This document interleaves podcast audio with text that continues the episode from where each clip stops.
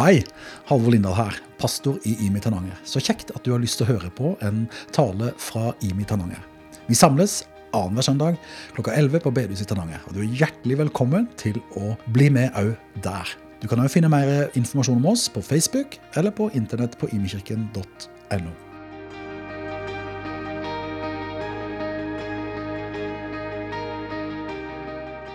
Jeg vet ikke om du har gjort en skikkelig god byttehandel en gang. Har du gjort en skikkelig god byttehandel? En som du var kjempefornøyd med? Så er jo det spørsmålet var det du som var fornøyd, eller er han som du bytta med, som var fornøyd? Kanskje, Hvis begge var fornøyd, så var det jo veldig bra. Jeg kan ikke komme på noen sånn veldig gode, eksepsjonelle byttehandler jeg har gjort. Kanskje du har.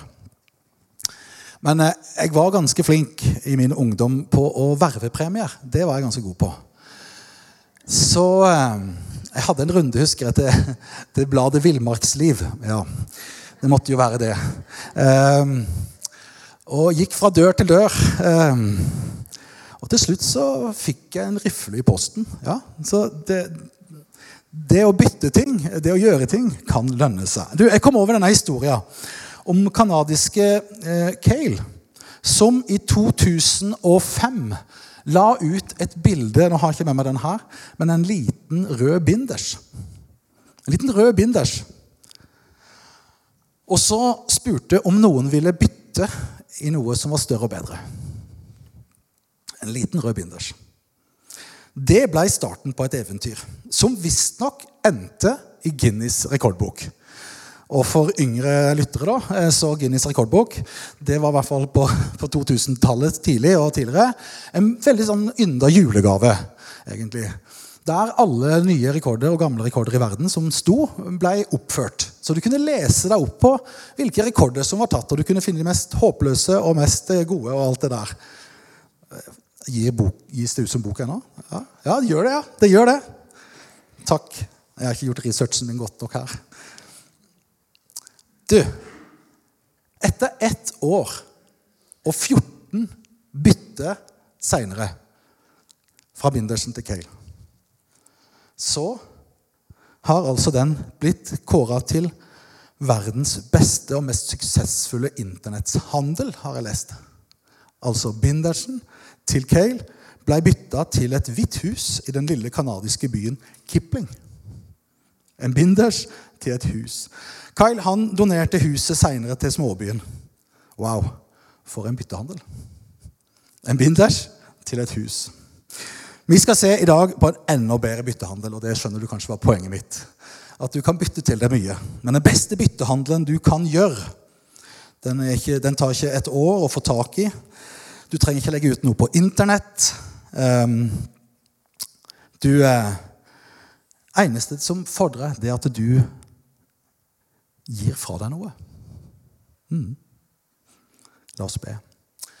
Takk, gode far, for at du har tilveiebrakt den beste byttehandelen ever. Den beste byttehandelen ever. Jesus, la oss igjen bli tatt av det mysteriet og tatt av det fantastiske evangeliet som det er. I Jesu navn. Amen. Byttehandelen vi snakker om, er jo selvfølgelig at Jesus tar all vår synd, all vår skyld og skam. Hans frelse, og det gjenopprettes, at vi gjenopprettes til Guds sønner og døtre for evig. Evig fortapelse borte fra Gud byttes til evig liv sammen med Gud. To streker under svaret. Byttehandelen. For at det skulle kunne skje, og at vi kunne få del i det, så måtte noe helt vesentlig skje. Han som ikke visste av synd, sier Bibelen, har han gjort til synd for oss for at vi i ham skulle få Guds rettferdighet. Det er 2. Korinterbrev 5.21. Og noe som er tema i dag, er at i Jesus Kristus så mister vi alt, men vi vinner alt. Eller har vi den største byttehandelen ever. Av og til så låter ting bedre på engelsk. Er dere enig i det? Noen ganger? Noen få ganger. Eh, kanskje er det fordi at jeg kommer litt fra den tida nå. The Son of God became the Son of Man, so that the sons of man could be the sons of God. The Son of God became the Son of Man, so the sons of man could be the sons of God. Og I dag skal vi se på en annen verdensrekord, eller himmelrekord, om du vil. Verdens og historiens største degradering. Og Den finner vi i Filipperne 2, og vers, eh, vers 2, eh, kapittel 2, og vers 1-11. Når det da er trøst i Kristus, oppmuntring i kjærlighet, fellesskap i ånden, så sant det finnes medfølelse og barmhjertighet, så gjør nå min glede fullkommen. Vis enighet, stå sammen i kjærlighet, vær ett i sjel og sinn, og gjør ikke noe av selvhevdelse og tom ærgjerrighet, men vær ydmyke og sett, an, sett de andre høyere enn dere selv. Tenk ikke bare på deres eget beste, men på de andres. Vis det samme sinnelag som Kristus Jesus. Han var i Guds skikkelse, men så det ikke som røvet gods å være Gud lik. Han ga avkall på sitt eget tok på seg en tjenerskikkelse og ble menneskelik. I sin ferd var han som et menneske. Han fornedret seg selv og ble lydig til døden, ja, korsets død. Derfor har Gud høyt opphøyet ham og gitt ham navnet over alle navn, for at hvert kne skal bøye seg i Jesu navn. I himmelen, på jorden, under jorden. Hver tunge bekjenner Jesus Kristus er Herre til Gud Faders ære. Denne teksten utfordrer. Og Jo mer jeg jobber med den, og jo mer jeg går inn i den, jo mer utfordrer den. Og Jeg håper jeg kan få være med og formidle noe av det nå. For Paulus sier, 'Vil du være en overgitt etterfølger, bevisst etterfølger av Jesus Kristus, som vi har i visjonen vår, så etterlign den holdningen, den, eller det sinnelaget, som 78-utgaven sier, som Jesus hadde. Etterlign den holdningen. Ok, vi er med. Vi ønsker i hvert fall det. Sant? Vi ønsker å ha det sinnelaget. Vi ønsker å ha den holdningen som Jesus hadde. Jeg vil etterligne det. Og Hvilke holdninger var det Jesus hadde? Hva slags tankesett skulle vi herme etter? Hva er det Paulus viser oss i de neste versene her? Bibelen lærer oss dette her, at Jesus, mer enn noen annen som har levd før eller siden, ga slipp på det som måtte gi slipp på i lydighet mot Gud, for å tjene de han virkelig elska, du og meg i lydighet mot Gud sin far. Og for å tjene oss mennesker så valgte Jesus frivillig å gi slipp på ting han trengte og måtte gi slipp på. Jesus takler om du vil, historiens største degradering for en større hensikt. Han gikk villig inn i selvoppofrelse for vår og alle menneskers skyld. Så ligger jo spørsmålet for meg der hele veien, og sikkert kanskje for deg. Hvordan står det til med min og din villighet til å gi opp ting og til å vise selvoppofrelse? Å, jeg trenger nåde. Ja, det er absolutt, absolutt viktig å ta vare på seg sjøl. Å være god med seg sjøl og faktisk elske seg sjøl. Det er bibelsk. Det står at vi skal elske vår neste som oss selv. Og da må vi jo elske oss sjøl først. Det skal vi gjøre. Det er ikke det vi snakker om her når vi snakker om selvoppofrelse eller å gi slipp på ting.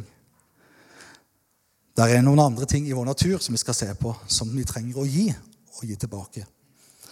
I vår menneskelige og syndige natur er det slik, og er vi ofte tror jeg, slike som meg og mitt vesener.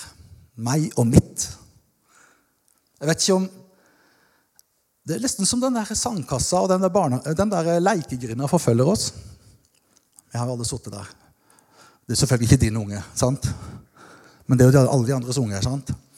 'Jeg skal ha den! Det er min!' Og hvis ikke det går, så er det gjerne et klask eller et dunk eller et eller annet. sant? Meg og mitt. Er så langt Det er så nedarva i oss. Det, er så, det sitter der.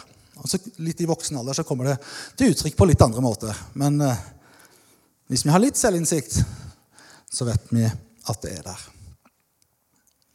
Når det er snakk om status, om komfort, velstand eller makt, har vi en lei tendens til å tviholde på det. Ja, kanskje til og med forsvare det. med nebb og klør. Selv om ingen av oss egentlig har nebb eller klør. Bokstavelig talt. Og det kommer liksom ikke an på hva som prøver å få oss til å åpne grepet, åpne hendene eller hjertet.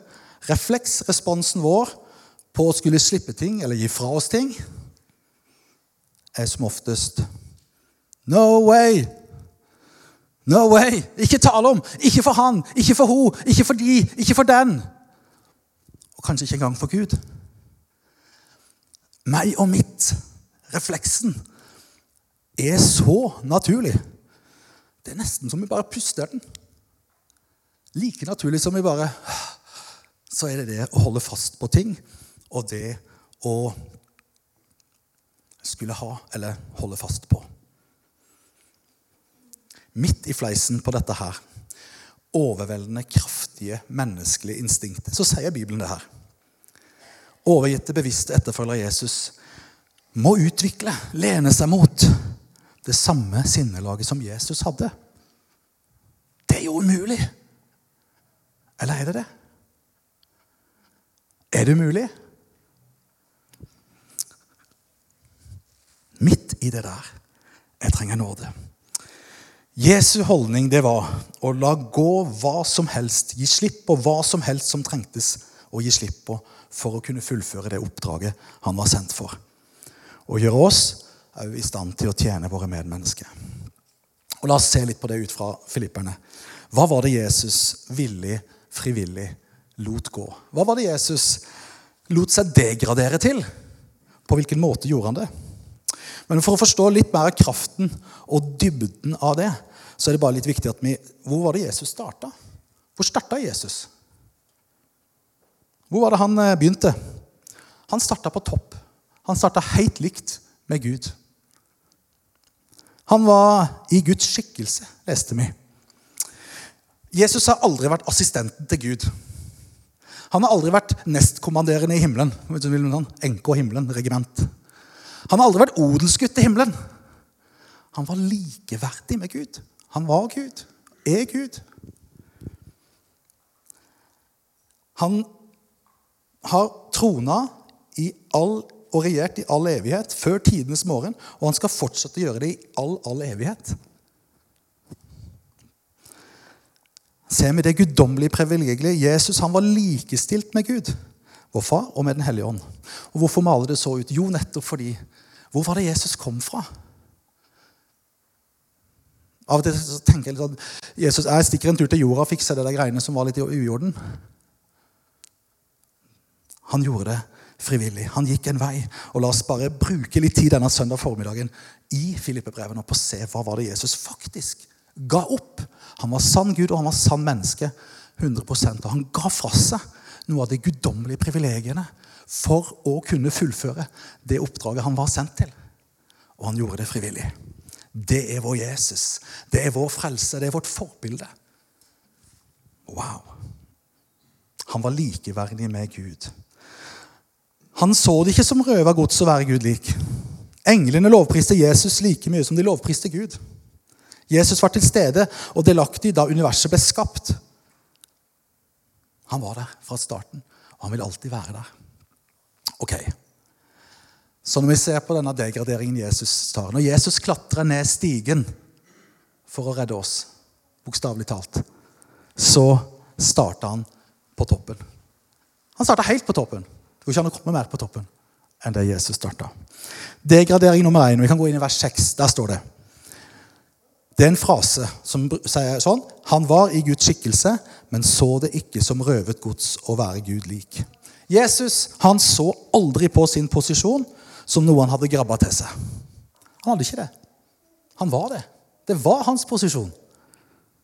Jesus hadde fra tidenes morgen helt naturlig og med rette tatt del i Alt det som var av tilbedelsen, englene som sang, den ubeskrivelige himmelske lovsangen, sangen og tilbedelsen, som var og er til og ved Guds hellige sønn.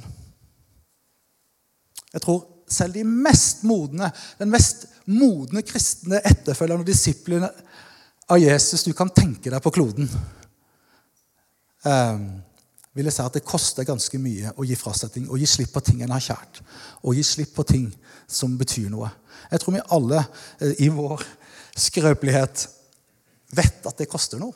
Det koster noe å gi slipp på ting. Jesus valgte å gi slipp på det guddommelige han hadde. Han overveide ikke likeverdet med Gud som noe han måtte klamre seg til. Han løsna det grepet. Han sa, 'Jeg kan la det gå'. Jeg kan la det gå for en større hensikt. For å gå ned og for å gjøre en forskjell. Og nedover stigen klatrer han. Det var den første degraderingen Jesus tok. Nummer to er forklart på denne måten. Han gav avkall på sitt eget, det i vers 7. Han tømte seg for sitt eget. Det betyr at Jesus han la vekk som jeg sa litt i sted, alle sine guddommelige karakteristikker som ville ha hindra han for å være et menneske. Han gjør det frivillig. Ingen tar det fra han eller tvinger han. Heller ikke Gud. Han gjør det frivillig. Med en hensikt så tømte Jesus seg for det som var, for å klatre videre nedover stigen. Det var degradering nummer to. Degradering tre, fire og fem de kommer i en fart. Jesus sier at han tillot seg å ta på seg en tjenerskikkelse. En tjenerskikkelse blir menneskelik, og i sin ferd var han og er var han som et menneske. La oss stoppe og tenke på de, to, de tre eh, degraderingene der. Det er ganske veldig. Den allmektige skaperen tar på seg en skikkelse i likhet med oss. En kropp som vår. Han blir oss lik. Vi vet det, men jeg bare må si det igjen. Jesus kom ikke som en konge eller en statsleder eller en direktør. Nei, han kom som et foster, som et barn født i en stall i en jødisk arbeiderklassefamilie Bibelen forteller at han var lik oss, bare uten synd. Wow. Tenk på det. La oss stoppe et sekund der igjen. Den allvitende, allmektige, allestedsnærværende Gud kjenner jeg for første gang i all evighet Det går ikke an å tenke på det, nesten, men vi prøver. Begrensningen av en kropp. Begrensningen av å være i en kropp.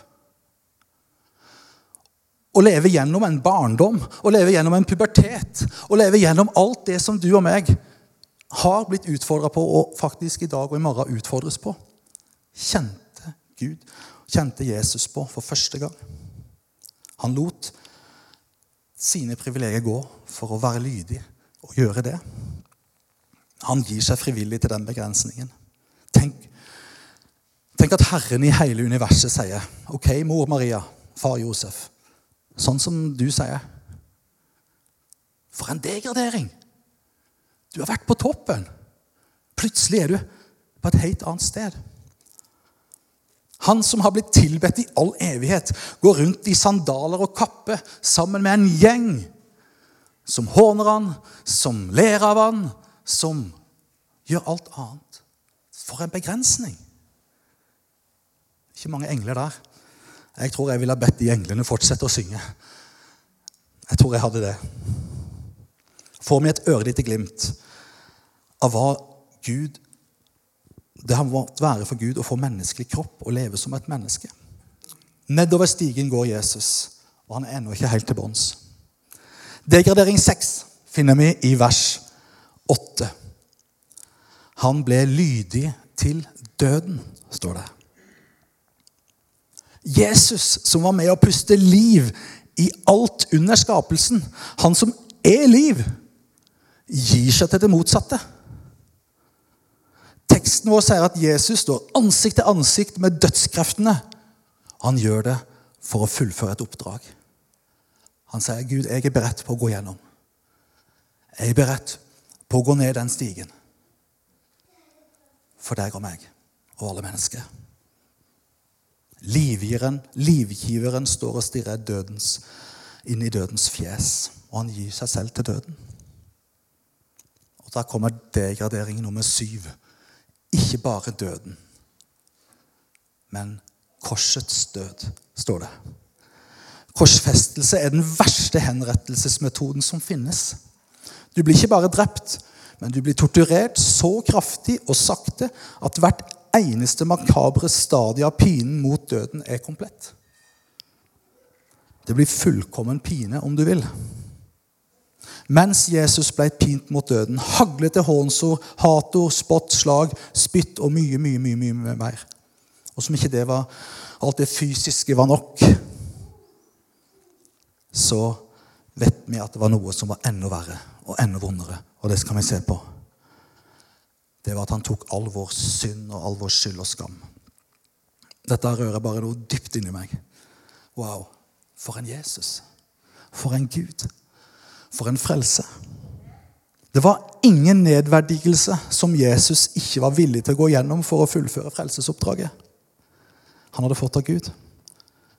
Og for å berge oss i all evighet. Han ofra alt. Det var ingen nedverdigelse. Den beste historien ever er ikke en fra bånden til topp-historie, men det er fra toppen til bånn-historie som Jesus viste og modellerte. Mens Jesus henger på korset, så vet vi som har lest litt i evangeliene, at han sier 'det er fullbrakt'. Hva var det som Jesus sa var fullbrakt? Han hadde jo ikke dødd ennå. Han hadde jo ikke stått opp ennå. Hva var fullbrakt? Jo, det som var blitt fullbrakt, det var at Jesus var blitt ett med vår synd og skyld. Det var blitt fullbrakt. Og frem til degradering fem, før døden, så kunne Jesus ha snudd, tatt en U-sving. Han kunne ha reist rett hjem til far. Han kunne ha reist rett inn til Gud og latt oss bli igjen. Vi vet, fordi vi har lest historien og fordi vi kjenner det i livet vårt, at han gjorde jo ikke det. Men han kunne det. Han, ikke, han hadde ikke synd i livet sitt. Men fra det punktet Jesus sier det er fullbrakt, og han har tatt vårt beger Han har tatt vår synd, vår skyld, vår skam var Jesus i et helt nytt landskap han aldri hadde vært i før. Han var degradert til en synder. Og fordi vi vet at Gud er hellig han tåler ikke synd. Hellig, det engelske ordet som er ut, tatt ut når du leser noen av de engelske oversettelsene, betyr 'set apart'. Satt til side. Hellig. Satt til side. Noe annet. Gud er hellig. Derfor ser vi at når Jesus sier det fullbrakt, og rett før det så sier han òg 'Far, min far, hvorfor har du forlatt meg?' Hvorfor hadde Gud forlatt han? Jo, fordi Gud er hellig. Og når Jesus tok din og min synd, så kunne ikke Gud være der. Jesus gikk alene. Han gikk alene. Å, oh, jeg kjenner det tar meg. Fordi du og meg aldri, aldri mer skulle bli alene. Det er evangeliet. Det er nedgraderingen Jesus tar for deg og meg. Han gikk veien. Jesus degraderte seg og opplevde å bli forlatt av Gud, for du og jeg aldri mer skulle trenge det eller bli det. Wow. Far min far, hvorfor har du forlatt meg? Så var Jesus tro mot den større hensikten. Og jeg syns det er nydelig, og det er så sterkt, å vite det.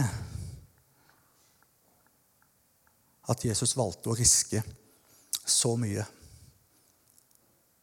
For han stolte på at Gud ville vekke han opp på den tredje dagen. Han stolte på Guds løfte, at han skulle bli vekt opp igjen. Men han gikk den veien alene. Og så var det sånn en bønn som alle jødiske barn brukte å be når de la seg om kvelden. Den gjengir Jesus der på litt andre ord. Far, i dine hender overgir jeg min ånd ber han. Han gir sitt liv. Og Den bønnen brukte også jødiske barn å be. Som at når vi legger oss om kvelden Far, i dine hender overgir i ånd. Jeg stoler på at jeg våkner i morgen. At du vekker meg opp til liv i morgen. Samme bønnen ba Jesus. Jeg stoler på at du, pappa Gud, vekker meg opp på den tredje dagen, som dine løfter har sagt. Og, og da kommer vi til noe av det som bare er så fantastisk i evangeliet. Fordi at Jesus gikk alene. Fordi han tok vår synd, skyld og skam. Fordi han fra det punktet han sa det var fullbrakt, ikke kunne ha snudd og visste om han kunne bare gå rett inn til Gud. Fordi han hadde tatt på seg det, så måtte han ta offeret. Så var han det fullkomne offeret som Gud aksepterte. Og da er evangeliet der og sier fra det samme punktet av, når Jesus står opp, så var det umulig for Gud å reise opp Jesus fra døden og hente han hjem uten å hente oss hjem. Husk, vi var blitt ett med han. Så det han ble ett med oss i vår synd, får vi lov til å være ett med han i hans frelse, hans seier over død synd og all elendighet. Og vi får evig liv med han. Derfor blir byttehandelen at vi får lov fra å være evig fortapt uten Gud til å være evig sammen med Gud. Og vi velger å tro på Jesus og følge han.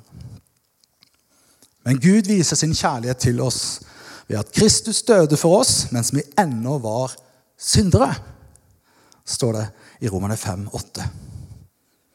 2. Korinterne 5, 21. Han som ikke visste av synd, har Gud gjort til synd for oss, for at vi i ham skal få Guds rettferdighet. Wow. Jeg syns det er så fantastisk. Jeg må bare oh, Igjen. Tenk. Jesus gikk ned stigen, alle disse trinna, helt til bunns. Og gjorde det mulig. Og det var ikke bare sånn at Gud han var bare fornøyd med å få Jesus hjem. Han var fornøyd med å få oss alle hjem.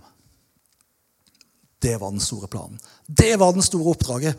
Det var den store frelsesplanen fra evighet. Og da kommer på en måte vers 9 og 10 helt, helt naturlig.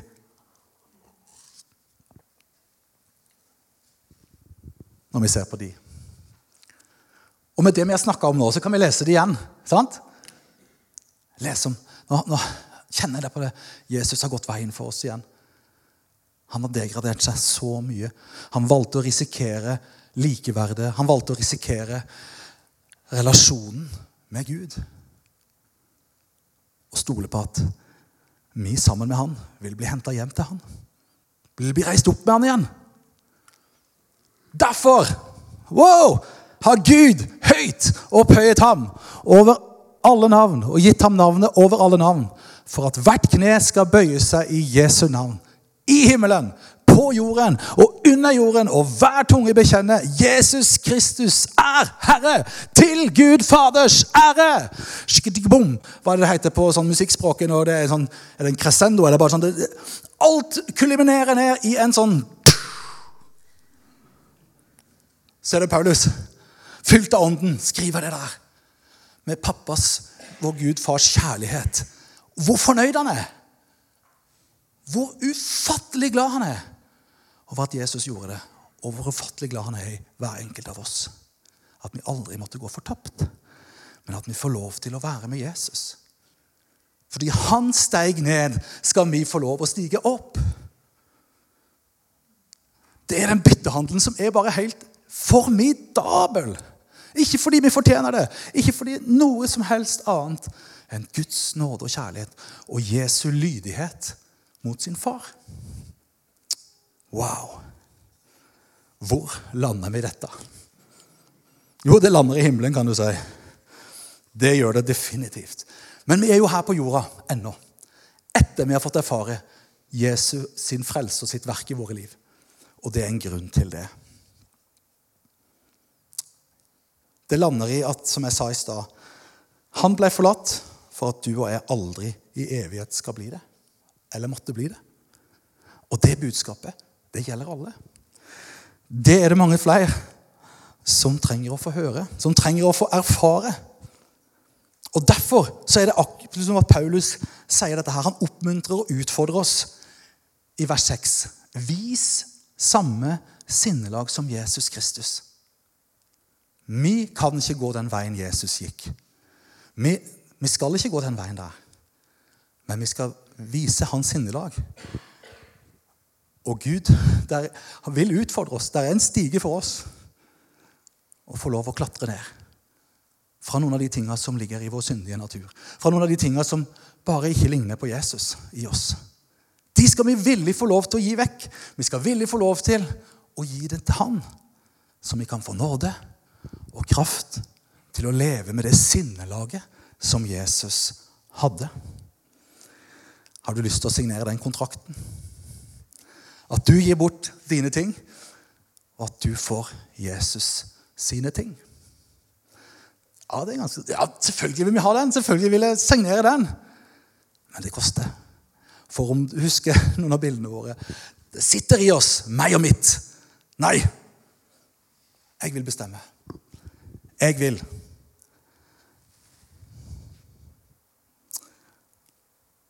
Paulus utfordrer oss, og Jesu mm, forbilde utfordrer oss på å la noen ting i livet gå.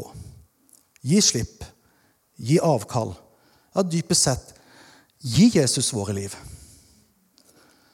En annen frase som blir brukt, det handler om å dø bort fra oss sjøl, sier Bibelen.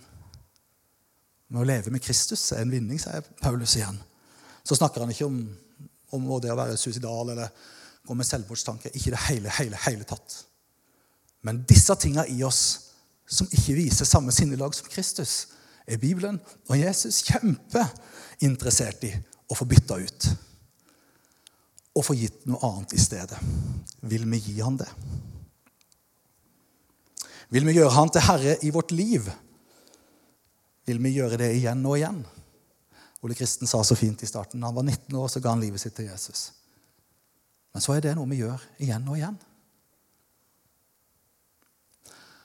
Hver dag så snakker Bibelen om ny nåde og om å få lov til å gå inn i det Jesus sa for oss. Om å ta korset opp og følge Han. Og til sammen med Jesus gå inn i det oppdraget som vi er gitt. Og det er å miste alt for å vinne alt, om du vil bli i temaet som vi har i dag. Bibelen sier det. Hvis ikke kornet faller i jorden og dør, så bærer det ikke frukt. Det blir ikke til mer korn. Du, vi drømmer om at Guds godhet skal bli enda mer tilgjengelig i Tananger og Sola. Og det fortsetter bl.a. med at vi tar byttehandelen med Jesus. Hver enkelt. At vi viser Kristi sinnelag og lar hans sinnelag og holdninger få mer plass i våre liv. Og jeg er først i køen. Jeg er først i køen. Jeg trenger det hver dag. Mye mer. Og så trenger jeg dere til å hjelpe meg med fellesskapet og leve i det. For jeg glemmer så fort. Jeg går meg så fort tilbake i det at det handler om meg og mitt. Fordi det er jo hele tonen og hele samfunnet vårt bygd opp rundt. Jesus sin degradering og hans måte å gjøre det på, hans måte å stige ned og la ting gå, gi slipp på, det er noe annet. At vi lar Hans nåde få prege våre liv enda mer. At vi jevnlig gir slipp på ting han minner oss om, og lar noen ting falle, do, falle i jorda og dø. Mm. Ja, kanskje i verdens øyne degradere oss. For at vi kan ta del i det oppdraget som Jesus har gitt oss som etterfølgere av Han. Ikke alene, men sammen med Han. Dele de gode nyhetene leve i misjonsbefalingen, så enda flere kan bli funnet av Jesus og bli frelst. Igjen så sier de til slutt på engelsk Let go, let Let go. Nettopp. Let go, let God.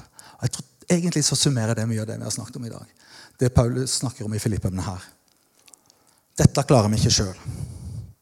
Dette er ikke noe vi får til med prestasjon. Det handler om å slippe Den hellige ånd til. Det handler om å slippe Jesus til. Lene oss tyngre på han. La han få fullføre byttehandelen i våre liv. La oss be.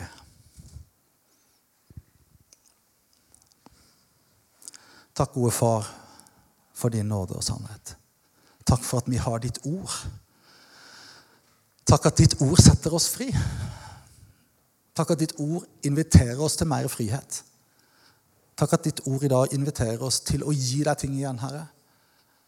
Hjelp meg igjen og igjen å gi deg mine ting, Herre. Herre, egne ambisjoner, egoismen, Herre Jesus. Alle ting som bare vil Alt det som ikke du vil, egentlig. Mm. Herre, vi inviterer ditt nærvær til å fortsette å sette oss fri. Til å fortsette å leve på din måte, Herre. I din nåde. Herre, takk for at du tar disse to fiskene og fem brødene som vi snakket om før i dag.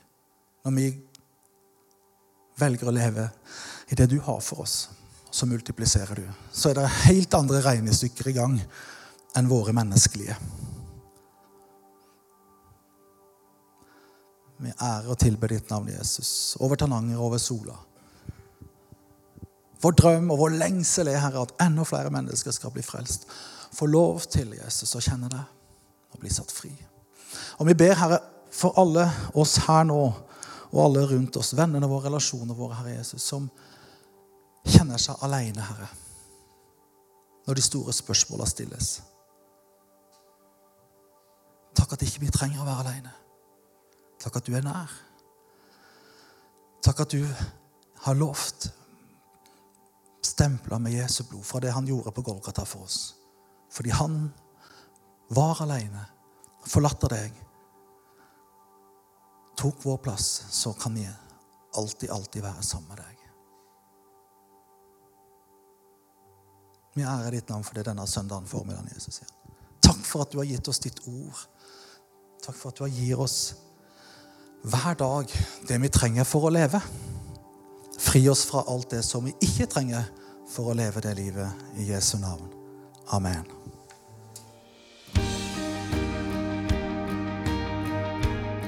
Takk for at du hørte på en tale fra Imi Tananger. Håper den var til velsignelse og berikelse for livet ditt sammen med Jesus. Ha en velsigna dag.